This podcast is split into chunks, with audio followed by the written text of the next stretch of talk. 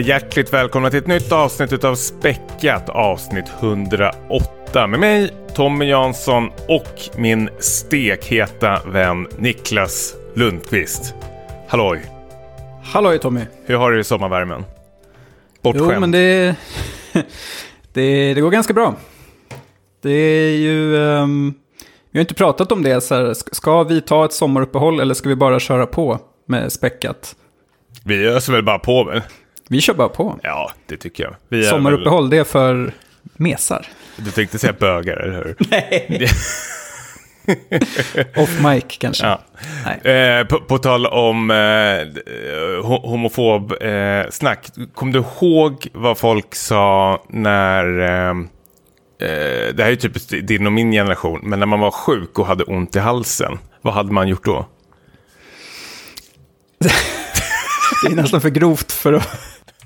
Men jag har ju fått det nu under senaste eh, tiden. Alltså jag har fått någon slags halsfluss eller någonting som jag gått runt med i tre veckor. Eh, och har eh, skitont eh, faktiskt. Ehm, så, så, jag låter lite, lite lam om eh, rösten här. Men eh, det värsta är ju att nu fick jag en medicin av en läkare som är någon slags sån här lindrande i eh, halsen. Men nu har jag tappat bort mitt jävla ID-kort. Och den här jävla pissmedicinen går inte att beställa någonstans eh, hem via BankID. Så jag är, jag är ju låst i systemet. Systemet är inte anpassat för sådana som mig. Som Carl Bildt sa när han skulle gå på föräldraledighet och tog ut flera miljoner. det, är, det är en klassisk bild.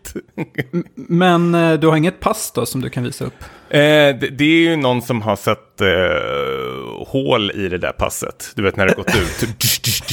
eh, Okej. Okay. Och eh, då bokade jag in en eh, passtid i... Um, när fan var det? Så jag tror jag bokade i mars eller någonting. Och du, du vet hur det varit liksom. Mm. Jag tror jag fick min passtid i augusti. Eh, så, ja, I talande stund så har jag inte kunnat gjort den än. Men det, det, är, det är exakt mig... samma, mm. det är exakt samma för mig. Och det ja. gör inte mig något heller för jag eh, ska inte åka någonstans. Men Nej. om jag tappar bort mitt körkort så då hade det varit bra. Ja men precis, då är man rätt så låst egentligen. Eh, faktiskt, tyvärr. Eh, så så är det med mig. Det suger, som man säger. Mm. eh, ja, det, det låter inget vidare. Nej, men, eh, jag har ju gått och gift mig sen förra avsnittet. Just det, chocken ändå. Det, det roliga är att du, du, du jag, jag, är vi bästa kompisar? Nej. Du är topp tre kan vi säga. Topp tre. eh, är väl ändå att du skickar något meddelande till mig. Eh, by the way, och så är det en bild på dig och din krokiga rygg och eh, din fru. Nygift. Nygift. Precis. Är vackert. Ja, men varför jo, men... så hemligt? Jag vet inte. Det, eh, jag, jag visste att den här diskussionen skulle komma upp på något sätt. Av de som kanske eventuellt känner sig blåsta på konfekten eller någonting. Men att, um, ja. Har du fortfarande trauma efter mitt bröllop eller? när jag var toastmaster på ditt brakfest. ja, det var en riktig brakfest. Jag vet inte, jag tror vi resonerade så att vi, vi berättar inte för någon så slipper folk känna sig... Uh, ja, så här, varför berättar ni för den här personen men inte för mig? Och så. Ja, då sket ni allihopa. Ja, och så vissa kan man ju inte berätta för, för de läcker ju hemligheter. Nog prat om mig. ja, precis. ja. Uh, ja, men det, men det känns uh, jättekul. Underbart. Ja, ja men det är bra. Hur, hur har det liksom, har, är det någonting som har ändrat i, i hemmet liksom sen ni gifte er? Känner du, känner, känner, är det något som känns annorlunda? Ja, min fru då, ja. hon säger ju att mitt beteende har försämrats nu efter giftermålet. Alltså, nu börjar han visa upp sidor. Ja, men typ. uh, sjunkit ihop. Ah, ännu, du, du ännu krokigare rygg. Ja, du, du, har inte kommit till det stadiet som jag lägger en när jag går runt i kaljanka-kläder. Liksom. Även när vi har besök ibland. En sjömans, när, sjömanskostym men inget under till. Liksom. Precis, och när det inte är tillräckligt fint folk så brukar jag ta, ta på mig det. Då bryr jag mig inte så jättemycket. Går runt med. ja, nej men om ger det ett par år så är jag väl där också, mm. tänker jag. Jag, jag hade ju sådana kompisar vars eh, farser gick runt sådär när man sov över hos dem. Och det var väldigt obehagligt att de skulle gå upp och kissa papperna och så kom de upp i t-shirt och så var det så här en slak gammal kuk som bara hängde ner. Och så hej hej och så gick de förbi tvn liksom. Eh, det, men farsan kunde man höra liksom kompisen säga. Ja, men det låter som en skräckfilm typ så om man måste gå upp och gå på toaletten mitt i natten och så möter man pappan till den man ska sova över sig naken i trappan eller någonting. Hereditary 2 nästan. ja, men härligt. Eh, vi har faktiskt ett fullspäckat avsnitt framför oss. Eh, och vi ska väl eh, prata om lite så här nu inför när vi går på semestern, både du och jag och lyssnarna lite. Typ så här vad liksom, vi har planerat in att se och eh, läsa och titta under semestern. Liksom. Eh, konsumera egentligen eh, populärkultur. Det är alltid, jag tycker det är supermysigt alltså, veckorna in i semestern när man liksom nästan börjar göra en lista framför sig på saker man vill liksom titta och spela och sånt. Men sen vet man ju själv att det är bara liksom en bråkdel av det här man kommer ja, se egentligen. Ja, som man kommer hinna beta av. Ja. men det, det där känner jag igen.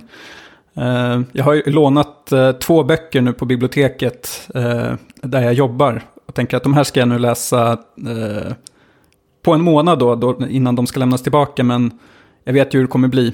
Mm.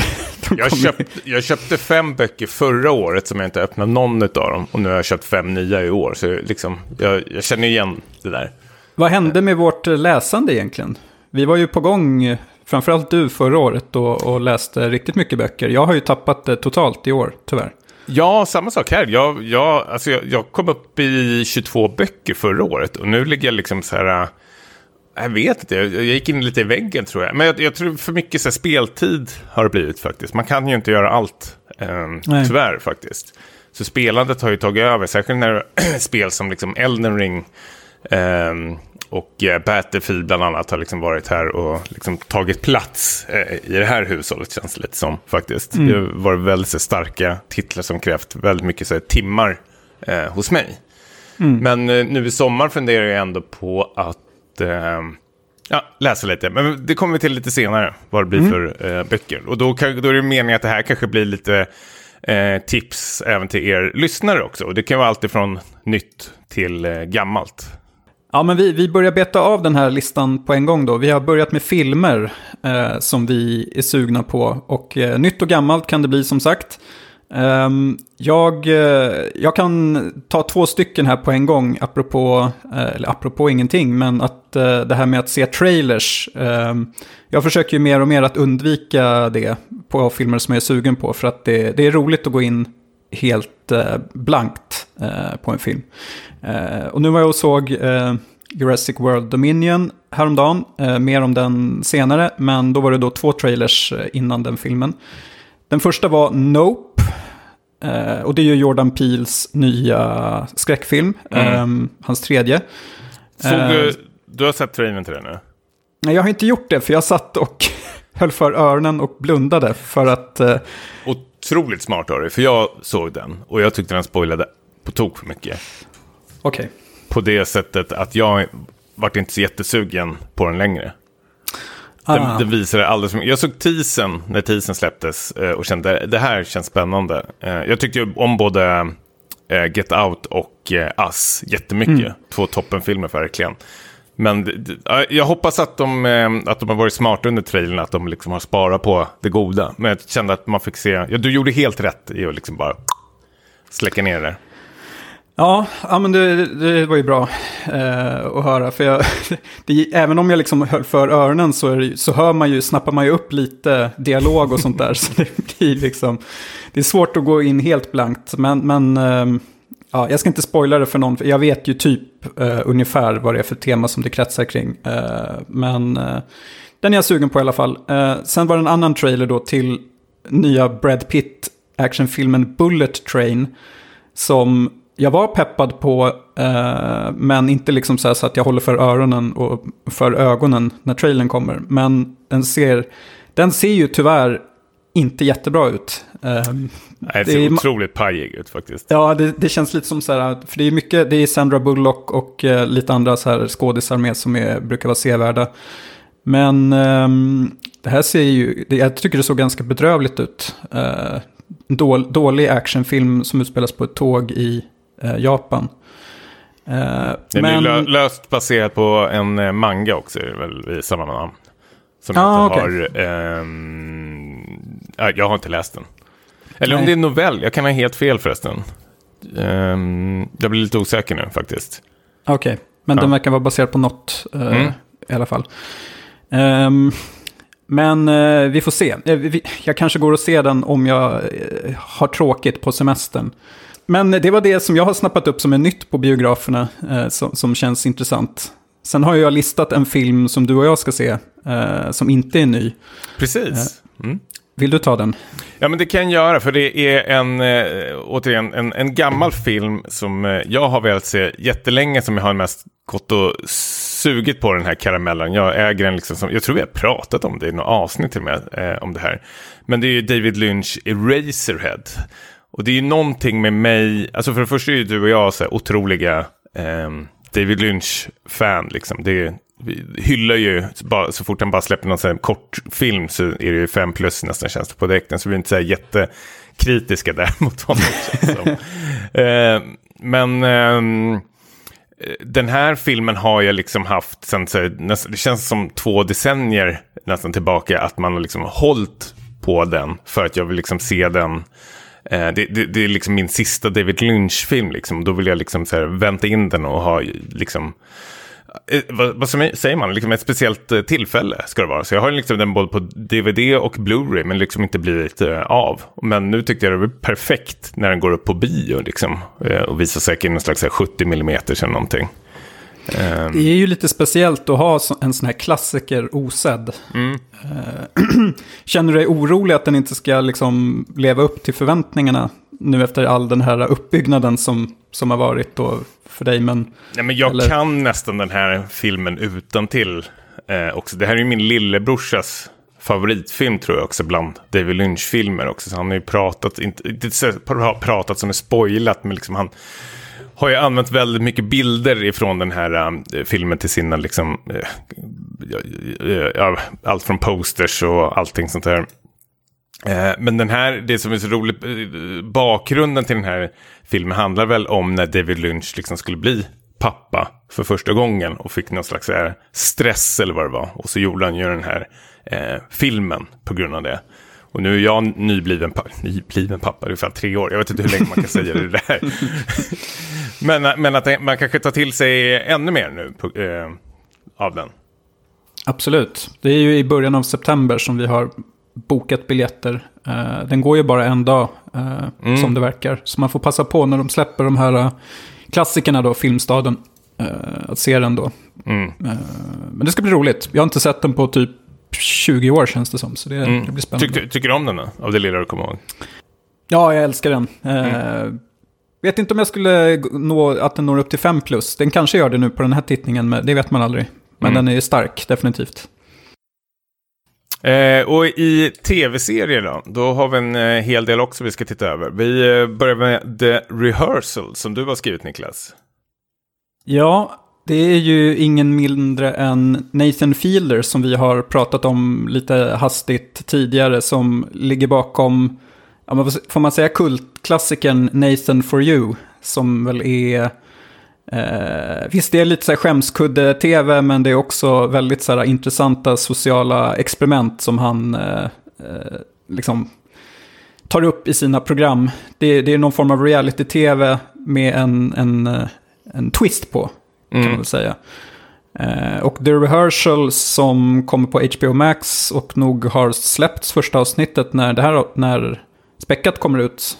Eh, har ju fått otroligt eh, positiv buzz har jag sett på eh, diverse recensionssidor. Att det här verkar nästan vara en ny klassiker som han har eh, levererat. För det ska ju vara lite...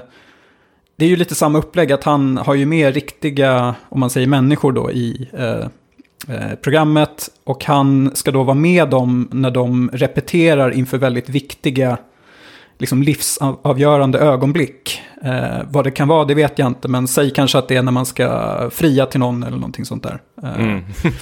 ja, ja, men precis. Eh, Nathan Fielder gives people a chance to rehearse for their own lives eh, in a world where nothing never works out as expected. Så han, Exakt. sitter ju, han är väl någon slags här, eh, dirigent till det här, plus att han är med sitt kamerateam och eh, man ser lite, jag har sett lite bilder när han sitter med någon slags bildmixer, bildproducent. Eh, så det är väl mycket som ska liksom så här, klaffa i det här sceneriet liksom. Eh, och, Och då, man kan tänka sig att det liksom går, att det är oförutsedda saker som inträffar som gör att det här tar, tar vägen i olika riktningar. Vilket lite Nathan for you var också.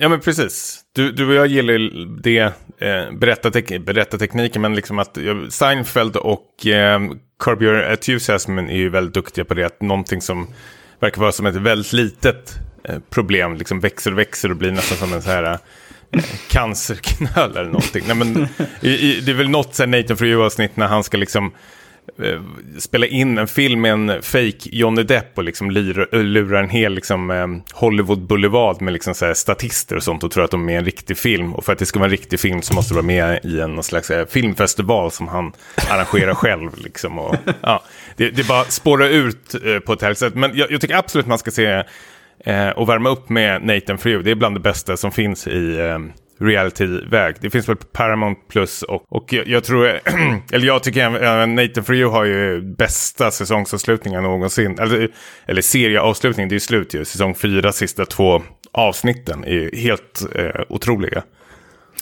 Ja, äh, det, det är milstolpar i eh, den här typen av eh, tv, skulle jag faktiskt säga. Eh, det är suveränt. Eh, vi har även skrivit upp The Staircase, Yes. som ehm, jag har börjat titta på. Jag har också börjat titta på den. Hur många avsnitt har du sett? Ett avsnitt.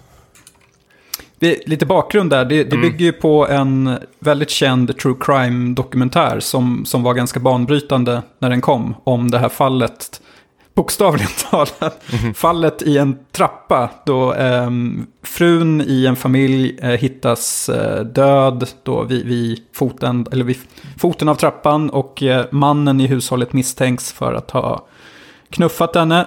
Eh, och så blir det en, eh, ett väldigt komplicerat fall kring det här. Och eh, det blev en true crime-dokumentär då. Där ett filmteam från Frankrike eh, kom och eh, filmade den här familjen då efter det här och liksom under rättegången som sen kom. och nu har det då blivit en tv-serie, en miniserie av detta. Med eh, Tony Collette och, eh, vad heter han då? Colin Firth. Colin Firth. Mm. Vad tycker Eh. du om första avsnittet? eh? Eh, helt okej faktiskt. Eh, det är någonting, jag vet inte vad det är som skaver. Det, det känns lite för ehm, eh, tv-aktigt. Jag vet inte bara, för, det är kanske bara för att du och jag har ju båda sett liksom original, alltså dokumentärserien. Och den, den är ju helt otrolig, båda två.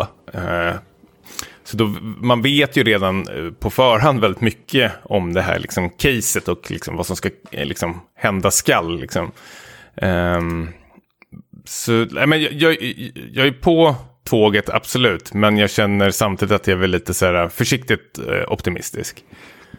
Det som är intressant i, i andra avsnittet, då, då kommer ju det här franska filmteamet in i handlingen. Eh, Oj. för det är ju liksom med i den här serien. Själva den här dokumentärinspelningen är en del av den här miniserien. Så det, det kändes som ett väldigt intressant Pikt grepp. egentligen. Ja, okej. Ja. Nu vart jag jätteintresserad helt plötsligt, ännu mer. Men jag, jag tycker absolut det är bra det lilla, så jag älskar ju Colin Firth och verkligen eh, Tony Collette. Hon är ju helt jävla galen.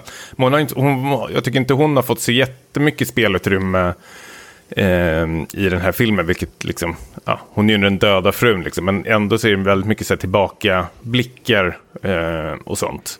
Så, Men jag känner att hon inte riktigt får eh, spela ut rikt, eh, eh, liksom, lika mycket som de andra. Det är kul också att Arnold Schwarzeneggers son är, är med. Jag tycker det är väldigt eh, roligt. Ja, det är jättebra för övrigt. Mm, jag. faktiskt. Eh, Ja, men jag kommer titta eh, klart. Ehm, Det märks ju lite som du säger att den den är ju gjord så att eh, även de som inte har någon koll på, på det här fallet ska hänga med i, i vad som händer. Så att eh, kanske lite tillrättalagt till en början, men jag, jag tycker den, den har potential att göra spännande saker eh, längre fram. Mm. Eh, åtta avsnitt också, så det, det ska man nog ta sig igenom tänker jag. Mm. Ja, men det blev en, en eh, slutpladdring med den här som vi båda redan börjar titta på nu. Yes, Mm. definitivt.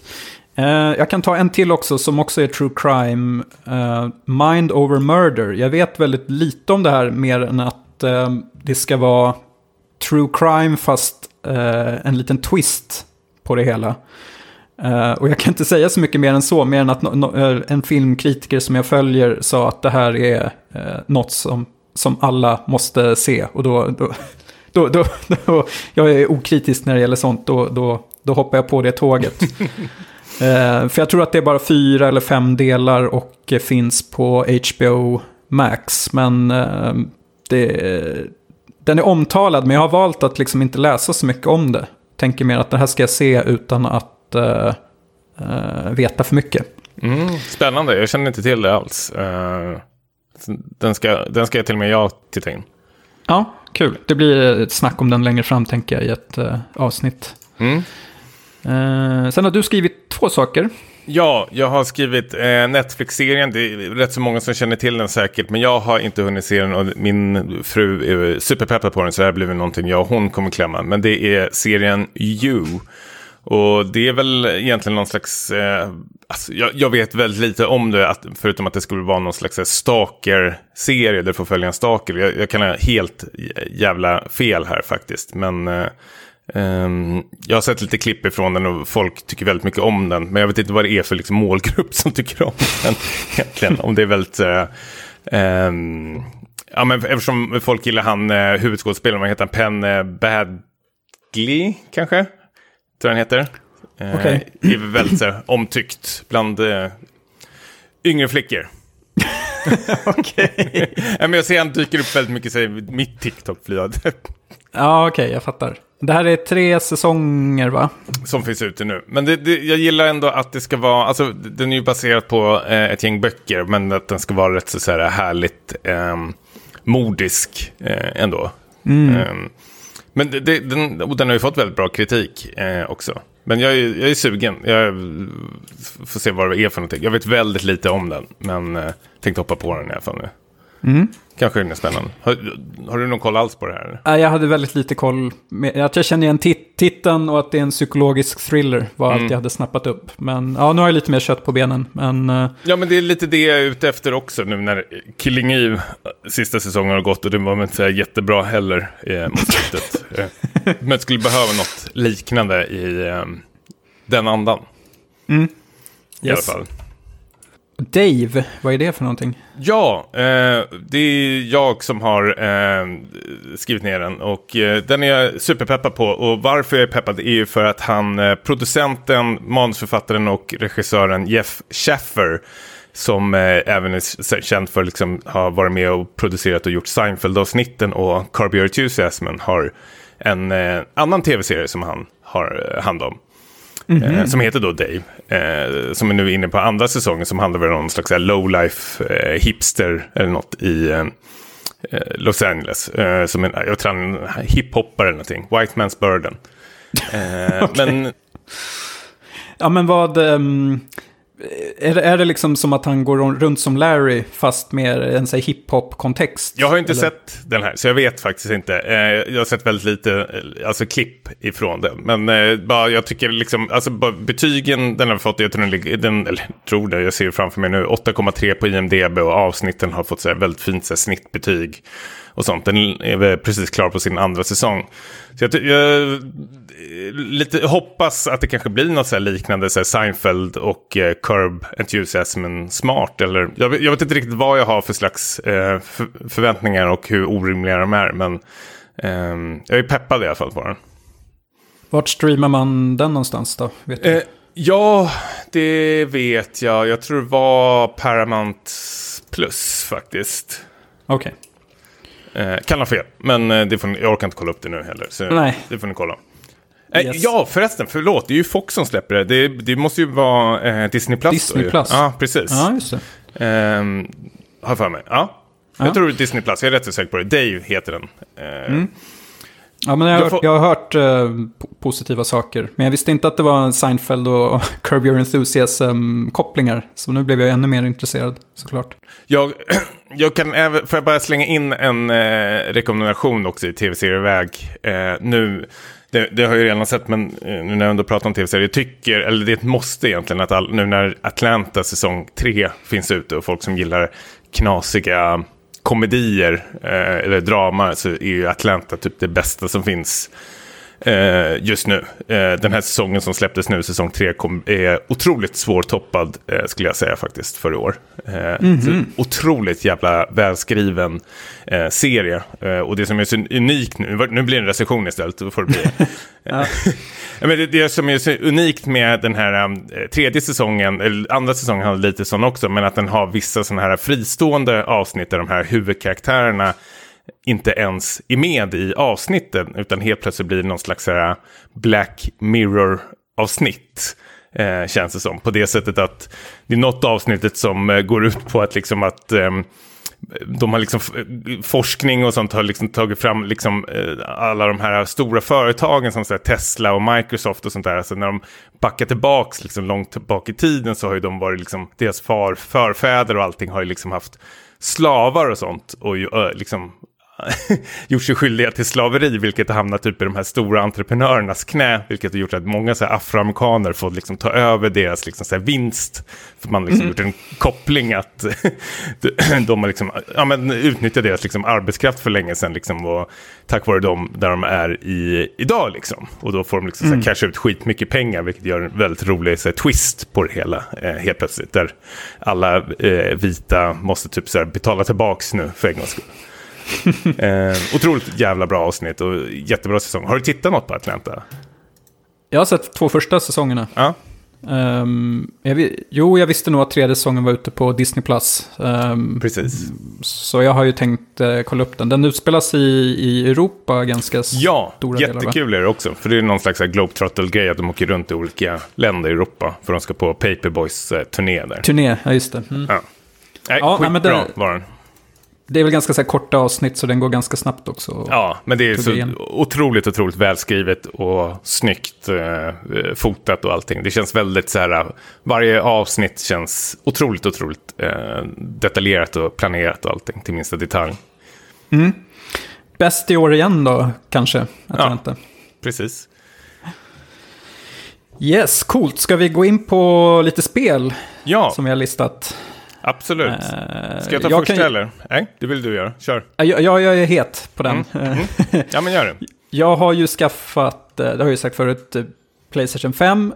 Jag har startat upp den och kollat runt lite. Det första jag gjorde var att gå in och kolla vad mina kompisar har spelat på sistone, de senaste månaderna. Just. Du var utloggad i Ja, nog ett halvår känns det som. Ja. Ja, men precis.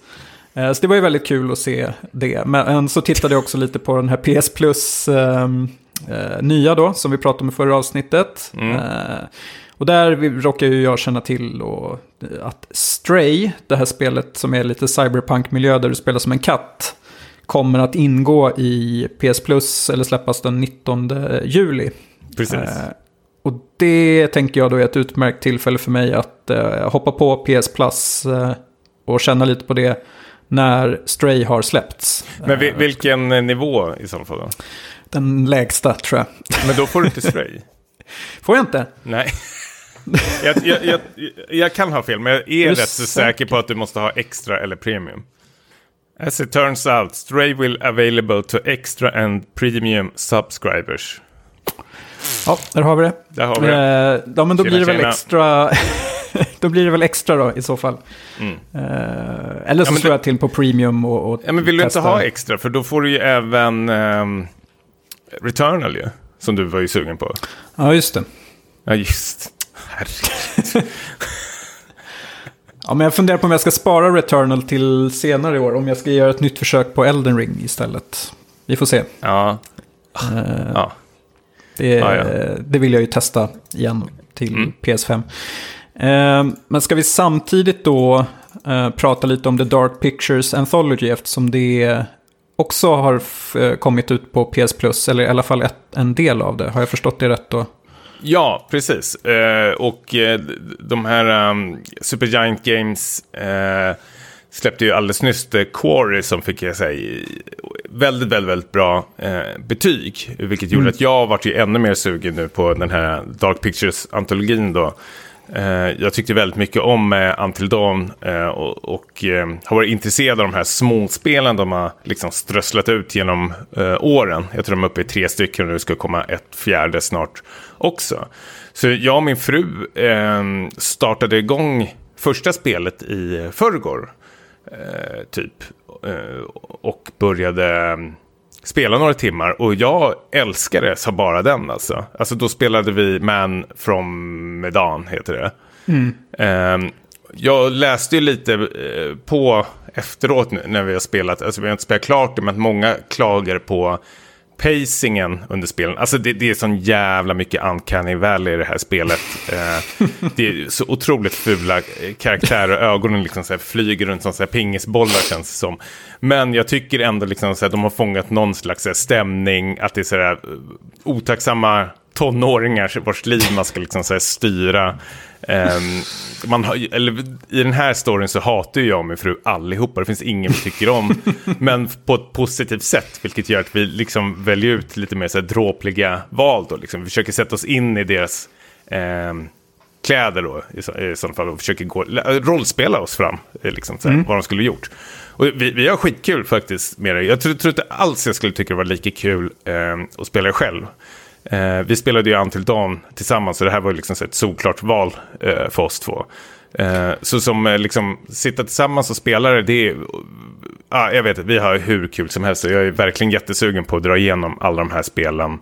Eh, alltså Dark Pictures Anthology och eh, The Quarry nu under sommaren faktiskt. Eller det blir vårt liksom så här couple-projekt tänkte jag. Spelar ni då att ni turas om och hålla i handkontrollen, eller hur funkar det?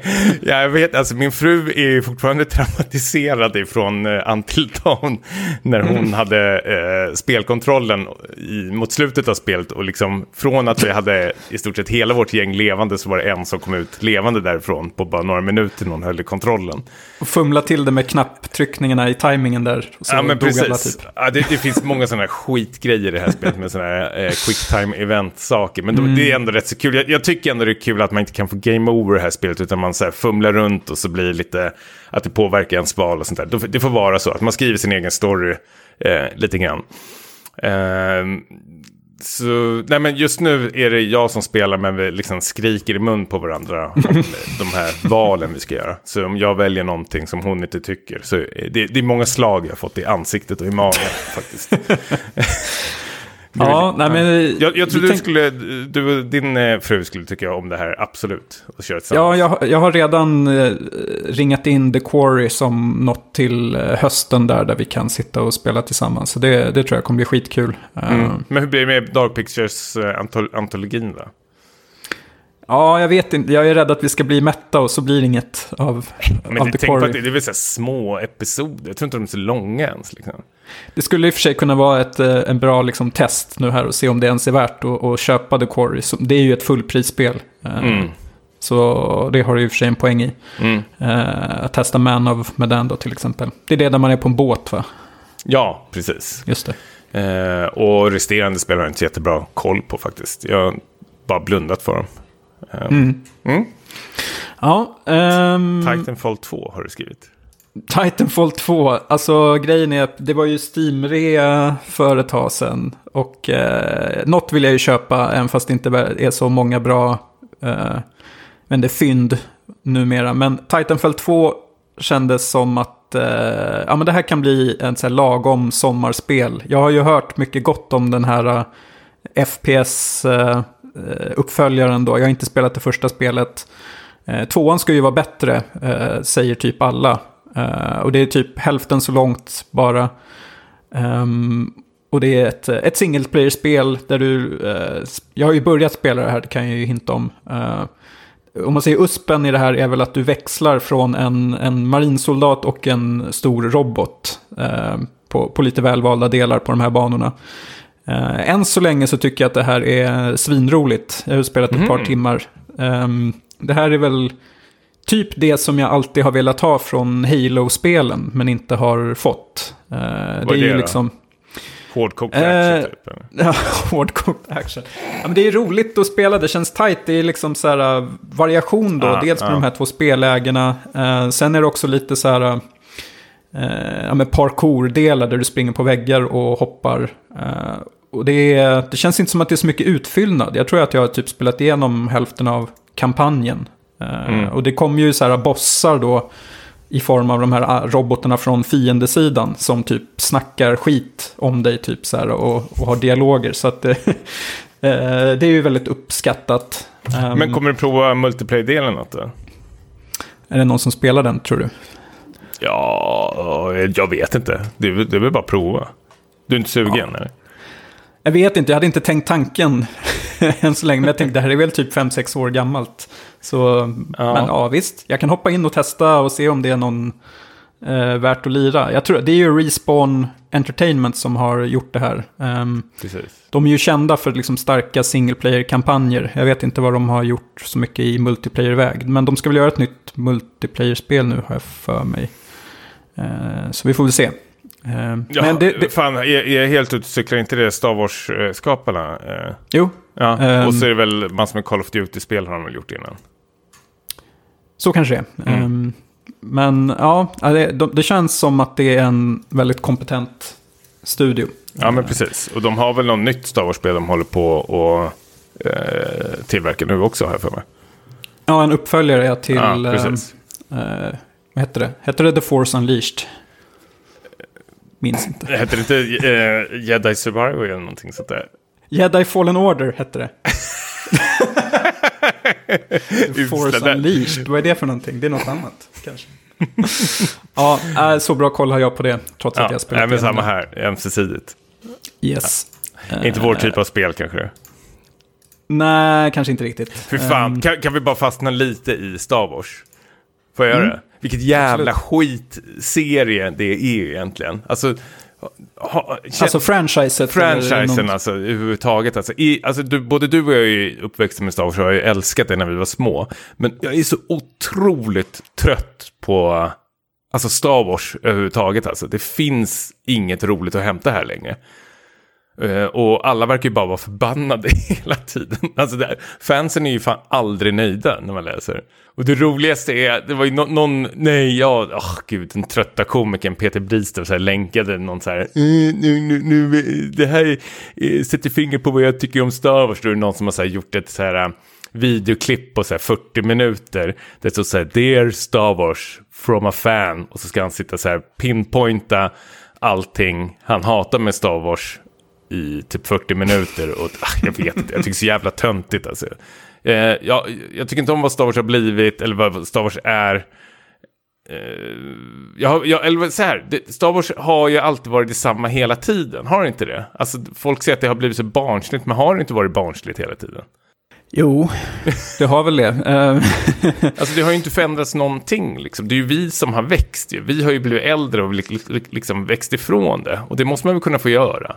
Jag vet inte vad de förväntar sig egentligen, att det ska vara så här supermörkt. Men det har aldrig varit i- i början. Det var ju en jävla massa med liksom, evoker som sprang runt i skogen och sånt där.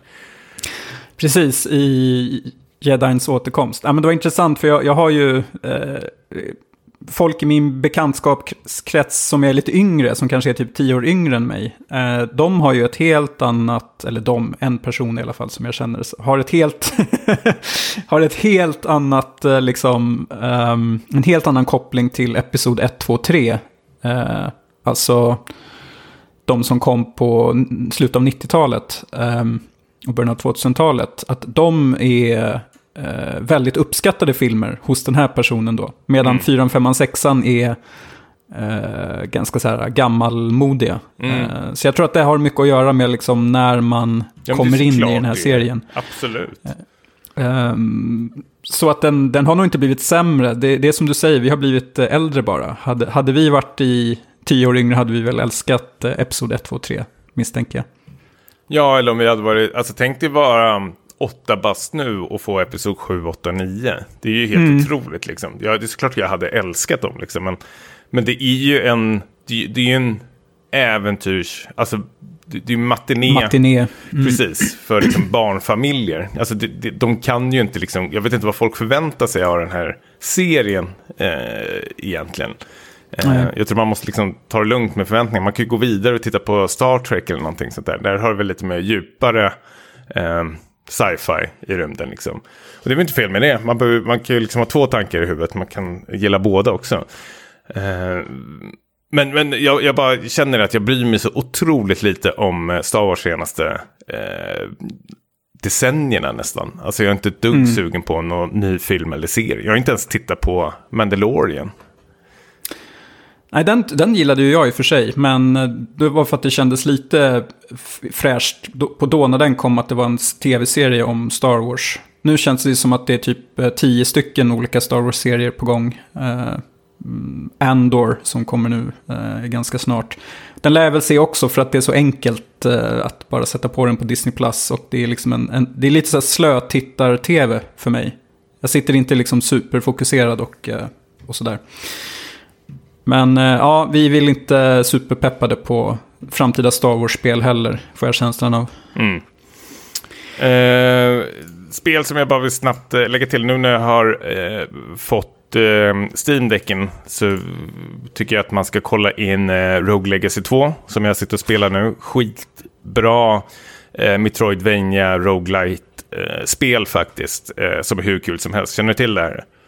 Ja, absolut. Ja. Mm. Eh, verkligen så stark rekommendation där man liksom spelar, ja men det är som ett roguelite-spel, när du dör så liksom fortsätter dina liksom ancestors liksom, eh, och ska liksom ta, alltså fortsätta där du avslutar liksom, men du får behålla liksom guldet du samlade och sen kan du liksom uppgradera ändå de här karaktärerna till någon slags passiva grejer. Men liksom varje gubbe du väljer följer med någon slags liksom behöver inte vara en curse, men helt plötsligt kan det vara någon gubbe som är färgblinda, men då är liksom spelet helt plötsligt liksom så svartvitt eller någonting. Eller någon som har så problem med magen, då fiser han när han hoppar. um, Låter ju bra som det helst. Tyckte, det, tyckte det tyckte jag var roligt. Ja, men det, det är väldigt mycket uh, sånt där. Och det, uh, jag, jag verkligen tok älskar eh, det spelet och det passar så otroligt bra på eh, Steam-däcken faktiskt. Eh, så det rekommenderar jag. Och även Vampire Survivors är också så här asskönt spel på eh, Steam-däcken och även på PCn faktiskt. Som ett sånt här top-down eh, också roguelite liknande spel. Eh, lite så här Castlevania-anda har de hämtat ifrån. Alltså hur monsterdesign och sånt ut. Det bara ska egentligen döda så mycket monster som möjligt. Levela upp dina karaktärer och låsa upp ny, liksom, nya skills och sånt där. Och så låsa upp nya banor. Men det är sånt där spel man blir så otroligt lätt eh, beroendeframkallande. Eh, mm. Att det är liksom så här, ja men jag kör en run till, en run till. Eh, och det är perfekt när man ligger eh, med Steam-däcken har det varit för mig då har det blivit ändå så att man går och lägger sig vid 10-11 och sen helt plötsligt klockan 3 på natten. Oj. Så, ja. Den bästa känslan. Ja, ja men faktiskt. Um, noll progress. Nej. Precis. Värsta känslan. Ja, ja exakt. Ja. Ja, um, ja, men det var några tips från oss då om vad vi har tänkt ta oss an och har börjat ta oss an nu under sommaren. Mm. Uh, Uh, och ni som lyssnar får jättegärna liksom fylla på den här uh, listan på um, Discord. Det är väl ett jättebra ställe. Att liksom uh, skriva vad man behöver och allting. Eller behöver, fan förlåt, jag, bara, jag har sån jävla... vad man vill konsumera jag, jag, i sommar. Ja, precis. Tack. Jag är helt slut i skallen. Vi går vidare. Vi går över till lite tv-serier som vi har klämt igenom eh, senaste tiden. Jag kan börja då. Jag har ju sett eh, den nya säsongen utav The Boys. Eh, jag började faktiskt till och med se eh, då med min fru säsong 1, 2 nu under månaden. Och sen var det precis perfekt nu när de släppte eh, säsong 3 på Amazon Prime eh, och synkade in den. Eh, och den har jag sett alldeles nyligen. Hur långt har du kommit i det här? jag har sett de två första säsongerna, inte börjat med trean. Mm. Spännande. Eh, jag ska absolut inte spoila någonting över säsong tre. Utan den, den, den plockar väl i stort sett upp där säsong två eh, avslutades. Det jag kan väl säga är väl att det är en, helt klart den eh, bästa säsongen hittills. Eh, både liksom, eh, alltså lårmässigt, alltså den, den känns som den gräver lite mer i bakgrunden på de här superhjältarna. Plus att det finns några superhjältar som får lite mer kött på benen nu. Som man har varit lite, eh, haft lite frågetecken eh, om. Bland annat så här Black Noir och, och sånt. Eh, mm. Och den är så otroligt mycket mer eh, blodig och våldsammare än de tidigare säsongerna. Så om man är, gillar det från säsong 1 och 2 så eh, kommer man absolut inte vara eh, missnöjd kan jag säga här. De har absolut inte sparat på våldet här. Nästan så att till och med jag har fått liksom så här rygga tillbaks ibland i vissa scener. Att liksom, uff, det där är... Ja, men det, det, är väldigt eh, köttigt eh, kan det bli ibland. Men jag kommer att tänka på en, eh, en grej när jag eh, tittar på The Boys. Något som jag inte uppskattar så jättemycket med The Boys är våra hjältar som vi får följa, alltså gänget The Boys då, eh, som följs av liksom bland annat eh, Carl Urban och resterande.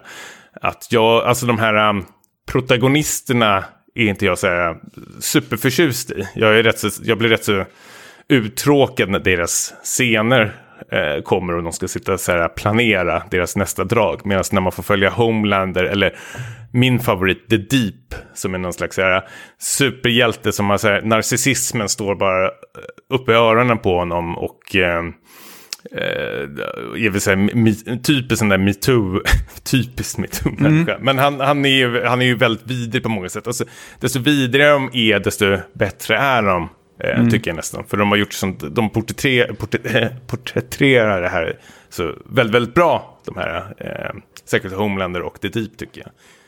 Förstår du vad jag pratar om? Absolut. Det, det är skurkarna som, som stjäl showen ja. här. Uh, jag läste någonstans att säsong tre ska handla en del om så här, toxic fandom. Stämmer det eller har jag missuppfattat det? Uh, ingenting jag plockar upp, jag är för dum för det. Jag känner väl mer att det var väl lite mer så här... Uh, högerextremism och mm. ja, ja, lite mer sånt faktiskt. Eh, som de tidigare säsongerna. Alltså man blir ju otroligt så här, politiskt så blir man ju skriven på näsan eh, rätt så ordentligt. Liksom. Man förstår ju att de här eh, Homelander-fanatikerna liksom är ju de här amerikanska eh, ja, Proud hög, Boys. Typ. Ja, men precis. Högerextremisterna liksom.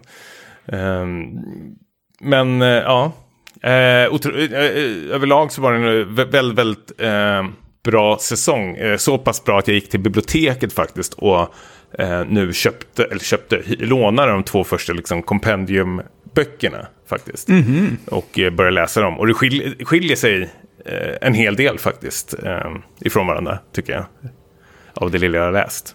Men är allt eh, liksom material med i serien eller har de bara plockat lite här och där? De har plockat lite här och där. Både hur superhjältarna eh, ser ut och liksom så här Eh, ja, men Starlight till exempel råkar ut för en sån här riktigt vidrig grej i eh, säsong 1, eh, om du kommer ihåg. Eh, mm. Och då är det väl inte bara The Deep som är skyldig, utan det är typ så alla killar ifrån de här uh, The Seven. Eh, som gör sig skyldiga mm. till det. Så det är väldigt mycket sådana saker. Så jag, men jag tycker ändå det är bra att tv-serien har fått gjort sin egen tolkning på serietidningen. Jag ser inte det som en dålig grej. Jag tycker det är rätt så kul faktiskt nu när jag läser serietidningar att de skiljer sig rätt så mycket åt på vissa eh, delar. Vilket gör att det inte blir så här superuppenbart för mig nu när jag läser tidningen. Mm. Ja, uh, men den är, mm, är det väl en av de bästa serietidningsadaptionerna. Får man lov att säga. Ja, jag har inte så mycket att jämföra med. Preacher var Nej. bra också, men det här är betydligt bättre. Det är samma författare uh, också. Ja, jag tycker det är så... Um, jag såg ju typ Peacemaker på, som är så DCs uh, eh, version. Den var väl helt okej, okay, men jag tycker inte att det är liksom The Boys-klass. Okej, okay. ja, jag har inte sett uh, Peacemaker. Ja, den kan du nog ändå uppskatta om du gillade mm. nya Suicide Squad. Mm, det gjorde jag. Jag gillar ju Senna skitmycket. Jag tycker han är jättebra, John Senna. Ja, han är grym. Han är mm. rolig. Han är klockren. Um, vi har ju kollat på en annan serie också nu här, ett stort projekt som börjar närma sig målgång och det är ju Better Call Saul. Uh, vi sa ju att vi skulle bli klara i synk med säsong 6 ju. Ja, jag vet inte vad vi lovade. Jag vet att uh, jag sa att uh, sista säsongen, det sista avsnittet sänds 15 augusti. och frågan är om vi kommer att vara eh, i fas då. Mm. Eh, Jag är ju klar med säsong 4, du är klar med säsong 3. Så vi, eh, vi får väl lägga på ett kol om vi ska hinna. Men jag tycker att den här serien bara går från klarhet till klarhet. Den bygger ju verkligen mot någonting, märker man. Jag ska inte säga så mycket för det är lite, jag minns inte riktigt när säsong 3 och säsong 4, liksom, de, det går ihop lite för mig. eh, Eftersom jag har sett allt nu så intensivt. Sett typ 3-4 avsnitt eh, på en kväll till exempel för att jag ville bara se vad som hände. Men, Mm. Ja, vi ska inte spoila någonting, för det finns säkert fler som eh, gör samma sak som dig och har väntat in allting eh, nu inför säsong 6. Men det jag kan säga, du och jag var ju lite smått, eh, inte ifrågasättande, men kanske lite smått kritiska kanske. För vi hade väl sett, tittat lite av första säsongen för länge sedan när det begav sig. Och tyckte väl att det kanske, det, det var väl lite småsekt. Men nu börjar man liksom, och det är det fortfarande, men det har, det bygger ju på så otroligt mycket och det är så jäkla eh, välproducerad serie. Alltså både liksom karaktärerna och, och liksom eh, hur, eh, ja men di- dialogerna och allting liksom. Det, det känns liksom som allting har eh, sin mening liksom. Eh, varenda scen nu i slutändan när man börjar få se liksom pusselbitarna falla ihop en och en liksom. Ja, jag var ju i början av första, det är något avsnitt i början av första säsongen när eh, Jimmy, eh, alltså Saul, eh, tar hjälp av typ två så här, skateboardåkande ungdomar eh, för att göra någon typ av eh, scam, eller vad man säger. Och då kände jag så här, ja, det här, det här känns bara tramsigt. Typ som att det är något så här gam, gammalt eh, Breaking Bad, eh, gamla Breaking Bad-rester. Eh, men den, den har ju verkligen blivit något helt annat sen första avsnittet, eh, första avsnitten. Mm. Absolut. Så, Nej, skitbra. ja, jag under, under, har underskattat Vince Gilligan Mm. ännu en gång känns det som. Nej, jag är medbrottsling eh, där känns det faktiskt. Eh, jag tycker det är svinbra. Det är fan fem plus eh, rakt igenom hittills. Eh, otroligt nöjd över den här serien faktiskt. Det är, ju, det är ju nästan så att man säger att det här är ju bättre än eh, Breaking Bad, om det inte är det till och med. Ja, jag känner nu här i säsong fyra att den, den har nog faktiskt gått om för Mm. min del. Eh, Så Nej, jag vi får se om, om, den, om den slutar um, tillfredsställande. Coolt. Ska vi hoppa in på lite filmer då? Det här vill jag höra. Något som inte är 5 plus eh, är ju... jag gick på bio i, i veckan eh, och såg Jurassic World Dominion. Eh, och det här är ändå lite speciellt för mig, eh, just den här Jurassic World-serien. och just eh, när jag sett dem på bio. För den första filmen såg ju du och jag i Sydkorea. Jag vet inte om du kommer ihåg det. Nej. Det speciella där var ju att den var i typ 4D, vad det nu innebär. Där det var liksom så här, typ som till praktiskt... luft och sånt här. Nu kommer Jo, men det blåste Ja. luft på en i biosalongen och typ sätena rörde på sig och typ varje gång en Raptor dök upp så kändes, så skulle det vara som att någon hoppade på en stol, men det kändes mer som att någon satt och sparkade på stolsryggen. Så, här, så det var ju helt värdelöst. Eh, Men det var ändå satt väldigt... bara var irriterad. Ja, det var ju ändå en speciell känsla som jag i alla fall gjorde ett starkt intryck på mig, även om du har Ja. glömt bort det.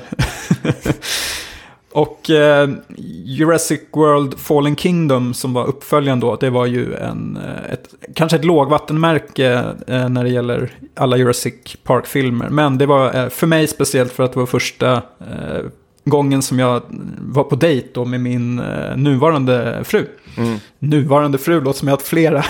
Men då, dåvarande flickvän eller vad man säger. Ehm, så, så det var ju väldigt kul. Um, även fast filmen inte var så bra. Och nu så, eftersom det här är sista filmen påstås det i den här eh, serien. eh, så gick vi och såg den här också. Eh, vad, vad har du läst om den här innan? Ja, det är väl att de försöker spela på mina liksom gamla strängar eller vad det, man ska kalla det för, eh, rosa glasögon. Att liksom, nu, nu, nu har vi gjort rätt där, för nu är Sam Mendes med, tänkte jag säga, Sam Neill och eh, Jeff Goldblum och vad heter hon? Laura, eh, Laura Dern. Ja, Laura Dern med också. Som var typ så här 22 bast eller någonting när de spelade in första filmen. kan det stämma verkligen? Det, det, alltså jag, jag måste ta, jag, jag, jag har... Alltså jag, jag tror hon var skitung när första Jurassic Park släpptes. Jurassic Park släpptes 93. Hon är född 67. Ja, hon var väl 20, vad blir det, 26? Ja, men vad sa jag, 23? Ja, det var... Men fan, när kom Blue Velvet egentligen då hon var med? Då måste hon varit typ så här... Hon, den, den var 86. Tonåring. Ja. Det var som fan. Eh, 93 minus 67. Det stämmer nu. inte. 26 är hon. Jo, fan det är helt, alltså det är så sjukt alltså. 26 bast var hon när hon var med i eh, första Jurassic Park-filmen. Du och jag är nästan dubbla hennes ålder nu och så har jag inte gjort ett skit med våra liv. Nej, det är... Um, ja, det är Jag älskar Lauren Daren också. Så jävla bra ja. Ja, men du, du slår ju huvudet på spiken där med nostalgin. För att man märker ju nu med... Alltså handlingen i korthet. Det, det är en ganska rörig film. ehm, men det är... Hur svårt ska det vara egentligen? Ja, men du vet, det är ju så mycket trådar som ska knytas ihop från de här nya karaktärerna eh, från Jurassic World-filmerna och de här gamla då, som vi älskar från Jurassic Park. Eh. För, för nu, du, du vet ju att typ Chris Pratt och Bryce Dallas Howard är ju med här också. Liksom. Så Mm, att det är en tyvärr. stor, stor ensemble. Ja, tyvärr. Uh, man märker ju liksom skillnaden nu i uh, utstrålning och typ så här uh, personkemi när man ser de gamla skådisarna spela mot varandra och Chris Pratt och Bryce Dallas Howard som är totalt ointressanta. Och storyn är ju att, väldigt kort att företaget Biosyn som eh, har varit med liksom lite i bakgrunden i tidigare filmer har, håller på och genmanipulerar eh, gräshoppor. Som har gjort att de här gräshopporna äter upp eh, jordens eh, mat. Och samtidigt så är det då liksom dinosaurier som eh, härjar runt på planeten eftersom de släpptes ut då i slutet av förra filmen. Och då ska då alla de här karaktärerna sammanstråla på den här Biosyns typ park. Förlåt, har de inte släppts ut varenda jävla film, de här jävla dinosaurierna? Ja, men de har ju alltid hållit sig typ på ön och inte liksom kunnat ta sig därifrån. Men nu, nu är de på fastlandet. Jaha, Eh. okej. Nu springer de runt i Empire State Building och allting. Ja, nej, det är inte så mycket sånt. Det är Nej. mer att de typ så här, de har ju liksom spritt sig eh, över hela jorden, men ja. Och i alla fall då, den här Biosyns ledare, det är ju då, skurken i filmen är ju han Louis Dogson, som hans karaktär är med i första filmen om du kommer ihåg. Det är han som äter lunch med Dennis Nedry i början av filmen. När de säger Dogson, we got Dogson here. Han som sitter med hatten där. Han är ju med nu och han, han Åh. är, ja. Det, det är lite nej. kul kanske, men... Okej, ja. eh, ehm, Är det någon blinkning till den eh, scenen eller? Det finns väl blinkningar, det är ju mycket callbacks i den här filmen som, som, som man vill se. Jag, jag lägga korten på borden, att, för den här har ju fått verkligen urusel kritik ehm, av många. Men jag tyckte inte att den var så dålig som, eh, mång- som jag hade liksom förväntat mig. Jag hade låga förväntningar och hade ändå ganska kul. Framförallt tack vare gamla casten som... Det är kul att se dem. Eh, och det är kul att se liksom Ian Malcolm igen. Liksom nästan kopia av scenen där han står och viftar på en fackla liksom för att distrahera bort eh, Ja, det är fem plus för mig Det är redan nu, Alltså, nackhåren ställer sig. Ian Malcolm alltså. Så jävla coola namn har de också. Verkligen. Ja. Ehm, ja, det, det, det är ett härligt gäng. Nej, det är bra Ehm, rövgäng det där. Onekligen bra Ja, rövgäng. alltså, ja, men precis. Chris Pratt, vad han? Han håller på med sin jävla eh, Sieg Heil-hand liksom Ja, men framför datorerna. någon force power liksom. Nej, så så Star jävla löjligt alltså. Gör som Ian Malcolm, liksom. bara ta den här flären, stå framför, ja, Ja. precis, framför T-rexen, bara vifta fram tillbaka, och bara kasta bort den och sen liksom eh, slungas in i ett dass. Ja, ja men... ja, jag vill minnas att du hatade um, Fallen Kingdom. Eh, Vilken idé. Jag har, jag har faktiskt ingen koll längre på de här. Eh, från ett så Jurassic Park-fan till att det är lite som Star Wars, att jag bara hatar den här serien nu. Ja, det... Jag, jag är väl typ beredd att hålla med. Men Fallen Kingdom var ju andra hälften så var de i det här stora huset. En mansion där det smög Åh! omkring raptorer. Ja, det var ju bland det största skiten jag sett i mitt liv nästan tror jag. Mardröm.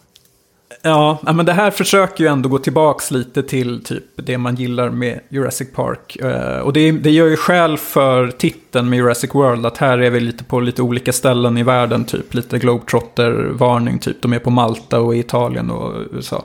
Alltså det är ingen bra film, det kan jag verkligen inte säga, men jag hade ändå typ ganska roligt åt den. Eh, men, men man måste verkligen börja ifrågasätta, tror jag, Chris Pratt, eh, om han verkligen bör medverka i några fler filmer eh, som inte är typ Guardians of the Galaxy. Mm. Där han För- känns bekväm. Men han, han är ju otroligt stel och eh, han har ju ingen karisma överhuvudtaget. Och det märks ju extra tydligt nu när han får liksom möta de här gamla skådisarna, Sam Neill och eh, Jeff Goldblum och dem. Men, för jag gillar ju Chris Pratt överhuvudtaget. Jag, jag tycker han är eh, väldigt, väldigt duktig. Och jag tycker att han, många av hans filmer han är med i, eh, jag tycker inte om filmerna per se, men eh, just Chris Pratts eh, rollpresentation kan jag tycka är rätt så rolig. Som, ja men Guardians, nu kommer jag inte på några fler. Han var med. Jag tror att det är bara Guardians som... som, som det finns inget mer. Nej, och jag hatar den där jävla eh, The Office... Eh, jag tänkte säga... Parks and Recreation. Jävla Den här gif giffen när han sitter och tittar in i... Nej, Gud vad, gud vad avsky Chris Pratt jag tänkte, det känns som. Jag Ehm, tycker han kan pensioneras. Ja, myggas av. Men nu, nyfiken fråga, ehm, de här barnen då, Tim och, heter hon Ellie? Nej, det är den vuxna. Det är Laura Derns karaktär. Ja. Lex... Lexi. Lexi. Lex. Vad, är, det, är de med i den? Nej, de är inte med. Ah, Fan, jag hörde något jävla rykte att Tim skulle vara med. Jag vet inte vad jag hörde det. Jag var skitglad när jag hörde det. Ja, nej. De, är bortglömda. Ah, okej.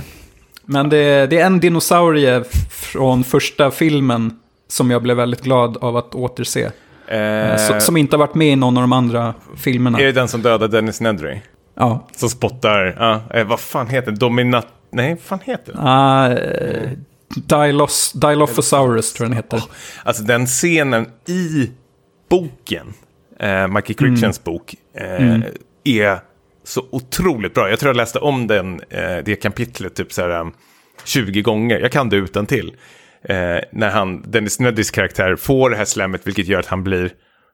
Alltså, slemmet gör väl att eh, kroppen blir liksom paralyserad. Eh, så han kan inte röra sig, men han känner att den här dinosaurien med eh, sina naglar, eller vad klor heter det, börjar liksom Ja. skära upp, eller liksom gräva i hans mage efter inälvorna. Ja, alltså. nej, så otroligt starkt alltså.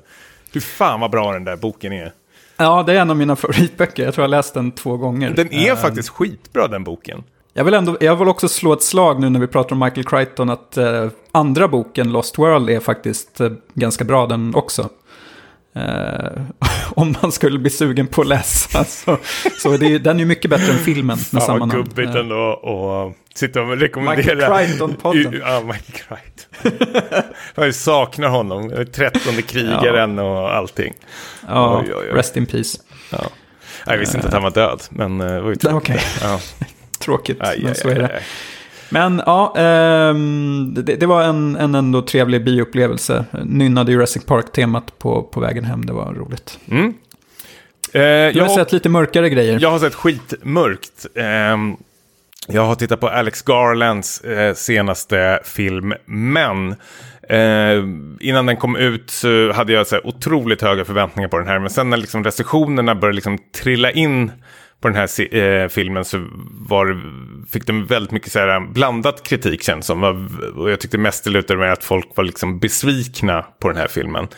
Eh, så jag, jag vet inte, peppen försvann eh, från mig eh, rejält. Men bara lite kort, handlingen är ju att eh, ehm, en eh, tjejen, eh, Jessie Buckley, eh, flyttar ut under en kort tidssemester till så här, engelska landsbygden efter att ha varit med om typ så här, eh, Ehm, eh, vissa hemska omständigheter med sen, hennes ehm, ehm, eh, exman.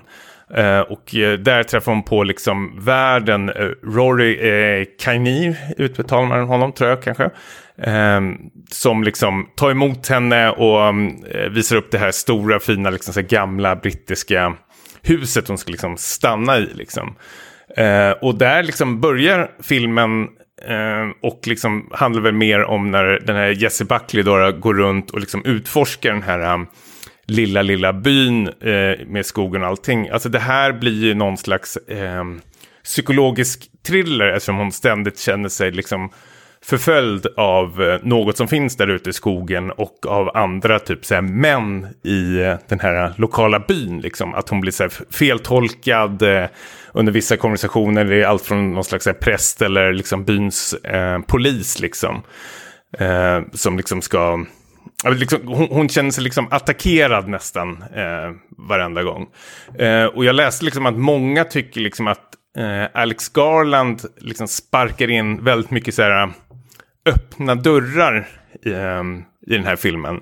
Att det är väldigt mycket så här, eh, ja, men, manshat eller vad fan man skulle nästan säga. Men liksom att hur mansplaining och eh, toxic, eh, community, eh, toxic community, men toxicity hos män och allting liksom. Och hur de försöker vrida och vända på typ ehm, domestic violence och sånt där. Och det, det håller jag med om att den, den är väldigt eh, man kan, vissa scener kan man bli väldigt, väldigt, väldigt eh, skriven på näsan. Men jag tycker otroligt mycket om den här filmen faktiskt. Den var helt klart över mina förväntningar för att den är så eh, sjuk jävla vriden. Och att eh, Rory Kinnear gör ett jävla kanonjobb som den här obehagliga eh, världen. Eh, man vet liksom inte vad man har honom. Han är så här otroligt eh, formell och eh, så här, obehagligt artig nästan. Att det känns nästan, nästan som att han har någon slags baktanke eh, med det hela. Han håller liksom någon slags här, konstig gräns att man inte vet om han flörtar eller om han är liksom så här, bara för, för snäll. Eh, och då får du ju följa egentligen bara hennes eh, ja, äventyr tänkte jag säga. Men när hon, när hon eh, ja, liksom handskas med de här eh, männen liksom. Eh, och eh, alltså, i början av filmen så är det väl mer liksom en, en thriller. Alltså det finns ju en hel del scener och så här, musik. Alltså om man har sett eh, Alex Garlands tidiga filmer så vet man att liksom, musiken kan ju liksom ta över nästan hans filmer. Och det gör den här också, att det nästan blir så här obehagligt. Eh, så psykologiskt, eh, psykedelisk musik som liksom drar igång rejält i bakgrunden. Så man vet liksom inte om det är hennes eh, om det händer i hennes huvud eller om det är på riktigt, liksom, om hon nu blir eh, förföljd då. Eh, men jag tycker återigen, liksom, så här, första och andra akten är liksom, så här, helt eh, otroligt så här, galet bra. Superspännande, bra liksom, så thriller, psykologisk thriller. Men sen händer det någonting i tredje akten som bara, jag tror det är många här som hoppar av tåget och det liksom ballar ur rejält. Eh, eh, faktiskt. Och jag skulle säga att det gör det på ett eh, positivt sätt. Jag satt och bara hoppade i soffan när jag såg det här. Jag har hört att folk eh, gillar slutet. Eller att, ja, inte gillar kanske, men att det är väldigt omdiskuterat. Ja, och det kan jag förstå. Alltså slutet, eh, alltså han, om, han, om det har varit hög, det är ändå en rätt så hög växel tycker jag i, genom hela filmen. Det här eh, obehaget att hon känner sig förföljd av någonting. Alltifrån att få, någon står och tittar i fönstret på henne eller liksom att eh, folk beter sig bara väldigt illa mot henne på gatan. Männen då. då. Mm. Eh, till att liksom det blir någon slags nästan så här Cronenberg-skräckis mot slutet. Mm -hmm. Jag tycker det är helt otroligt att eh, Alex Garland vågar liksom byta nästan genre mitt i filmen. Att det blir något helt annat och ändå lyckas med det. Jag skulle säga, jag är absolut inte så superfan av eh, X-makerna. Um, jag tycker väl den är helt okej. Okay. Den var väl 3 plus eh, för mig. Annihilation älskar jag, jag tyckte jättemycket om den. Eh, men jag skulle nog säga att män är väl uppe bland hans eh, bästa, för mig i alla fall. Mm -hmm. för att jag, jag, jag, kunde inte se var, vart den liksom, så här, jag visste så otroligt lite om den och jag tycker faktiskt att eh, Rory Kanir gör sånt jävla kanonjobb i, i den här filmen som den här obehagliga eh, mannen då. Han, han... Men det får, man, det, det, får man väl spoila för dig i trailern, men han spelar väl flera roller. Typ Precis, typ, jag skulle inte säga Ett tiotal men, men, olika män. Ja, han spelar eh, jättemånga olika män. Eh, och gör eh, liksom så kanonjobb. Eh, mm. Så jag, jag, tycker det är absolut eh, sevärd faktiskt. Eh, och ja, man, man, blir superskriven på, alltså till och med liksom... Eh, titeln på filmen är ju män med en så hård röd stämpel. Liksom, så här, man kan inte bli mer liksom, så här, skriven på näsan. Liksom. Och jag, det, folk, jag vet inte vad jag fattar så blir folk liksom sura på grund av det. Att de känns liksom, ja men det är mansplaining och bla bla bla. Eh, men jag, jag tycker ändå att det är, mm, även fast temat är eh, väldigt, väldigt tydligt så tycker jag ändå liksom att den är väldigt härlig och, och eh, intressant att titta på faktiskt. Eh, tack vare alla, alla skådespelare och liksom eh, effekterna i filmen, både ljudeffekter och eh, eh, andra liksom, effekter de använder. Ja, alltså den här är ju en av mina mest emotsedda. Jag var ju lite som du, att jag så här såg lite halvdana recensioner, men nu när jag hör dig så blir jag ju pepp igen. Tänker Jag, att det här kanske tror, är något för absolut, mig. ja, jag tror absolut du skulle gilla den här faktiskt. Ehm, jag, jag vill höra till och med vad du, har tycka, vad du kommer tycka om den. Faktiskt. Särskilt som sagt sista eh, akten. Ska jag sätta lite krav på dig? Jaha, Jag ska träffa dig imorgon, du har till imorgon på dig. ja vi får väl se. Ja, bra. We, we shall see. Eh, ska vi gå i mål då det här avsnittet med filmklubben eh, eh, som den här gången har sett eh, en svartvit film från 1956. Heter A Man Escaped av Robert Bresson. Eh, och det här är en fängelsefilm där eh, vi, vi följer en, en fransk eh, motståndsrörelsemedlem då som eh, har blivit tillfångatagen av eh, nazisterna och ehm, eh, ja, i, i korthet, han ska fly från det här fängelset innan han eh, avrättas. Och den här filmen är, ehm, ja, Christopher Nolan blev inspirerad då in till Dunkirk tydligen eh, inför den här. Eh, och Benny Safdie har sagt att det är hans favoritfilm, så att, eh, den, den är ju creddig. Om man Mm. säger så. Det, det är ju um, höga betyg från både höger och vänster. Det känns som. Precis. Den har ju rasslat in. En sån här gammal klassiker som man, man så här, film, cineaster ska bara ha eh, sett. Ja, och helst sätta höga betyg, känns det som. alltså, för mig kan, kan det vara, när, när vi rör oss tillbaka i tiden med kanske svartvita filmer framförallt, så, så kan det ju vara an, antingen att det hamnar i två, två olika läger då för mig. Antingen så är det en film som jag eh, verkligen tycker det är kanon, håller fortfarande. Hitchcocks filmer brukar liksom falla i den kategorin, att eh, den är gammal, eh, lite, liksom, man ser att det är daterat på sina håll, men den är fortfarande liksom tight och medryckande. Och så finns det kategorin som där jag förstår verkligen att det här var banbrytande när det kom och att den har inspirerat många, men eh, jag blir uttråkad. Och eh, det var väl tyvärr fallet med A Man Escaped för min del. Jag tyckte inte att den var... Jag, jag ser ju att det är snyggt gjort och att det, den har väl inspirerat många fängelsefilmer eh, längre fram. Men eh, jag tyckte inte att det var något, eh, något vidare. Nej. Tyvärr. Eh, jag är redo att eh, skriva under. Ja, den, den- hade sina stunder, men den var väl liksom så lite för uppenbar. Men det är väl, um, jag ska säga att den stod inte kvar på tidens stand för mig kanske. Eh, eftersom man har sett så många liknande filmer som gör det mycket bättre. Jag, för, jag slogs väldigt mycket till liksom, flykten från Alcatraz. Eh, och hur man liksom, det här um, som jag tror absolut är inspirerad från det här. Och sånt kan jag tycka ändå är rätt så kul när man har sett en film eh, rätt så många gånger som var en del av ens uppväxt som, ja men nu Alcatraz-filmen med Clint Eastwood. Att man nu ser den här några år efteråt och känner, utan att jag vet någonting om det här, jag inte orkat kolla upp det, men det känns ändå som att Clint Eastwood har liksom tittat på den här och liksom plockat vissa delar och lagt in det som någon slags nästan hommage. Jag tänker på typ hur de liksom så döljer eh, bevisen eh, när de håller på att gräva sig ut ur fängelset. I den här filmen är det så fliser och i, i um, Alcatraz är väl så från betongväggen eller någonting. Ehm, Precis. och jag, gill, jag tycker det funkar, men det är väl någon, jag vet inte vem det är, det är väl någon regissör, säkert Christopher Nolan. är det inte, men att man all, om man använder berättarröst så har man liksom redan där misslyckats Exakt. med filmen. Men jag, Precis. jag tycker det funkar i den här filmen. Jag gillar ändå att han pratar i eh, presens eh, i den här filmen eh, och liksom förklarar liksom tankegångarna och eh, hur han känner och hur det ligger till. Liksom, vilket kan vara svårt annars att fånga på film. Jag har inte emot så jättemycket när man har en sån här narrator eh, bredvid. Men jag kan förstå att det finns någon slags, här, inte lathet, men att man förli förlitar sig för mycket på, på det. För att liksom, eh, skådespelaren då slipper liksom uttrycka vissa känslor eller någonting. För då mm. blir man ju verkligen skriven på näsan.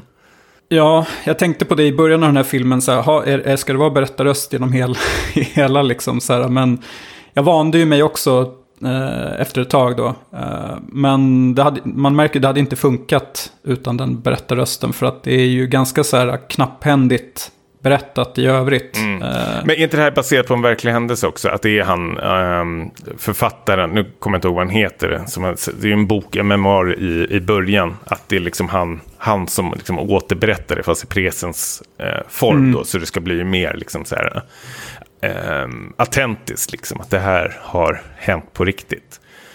Um, Precis, ja, men det stämmer ju. Um, men jag tycker... Och, för, ja. ja men som du säger, det, den har ju inspirerat eh, andra fängelsefilmer som, som man eh, har gillat mer, eh, känns det som. Och det är kul, och kul att se eh, om, om det här, liksom, det här var väl en av de första. Eh.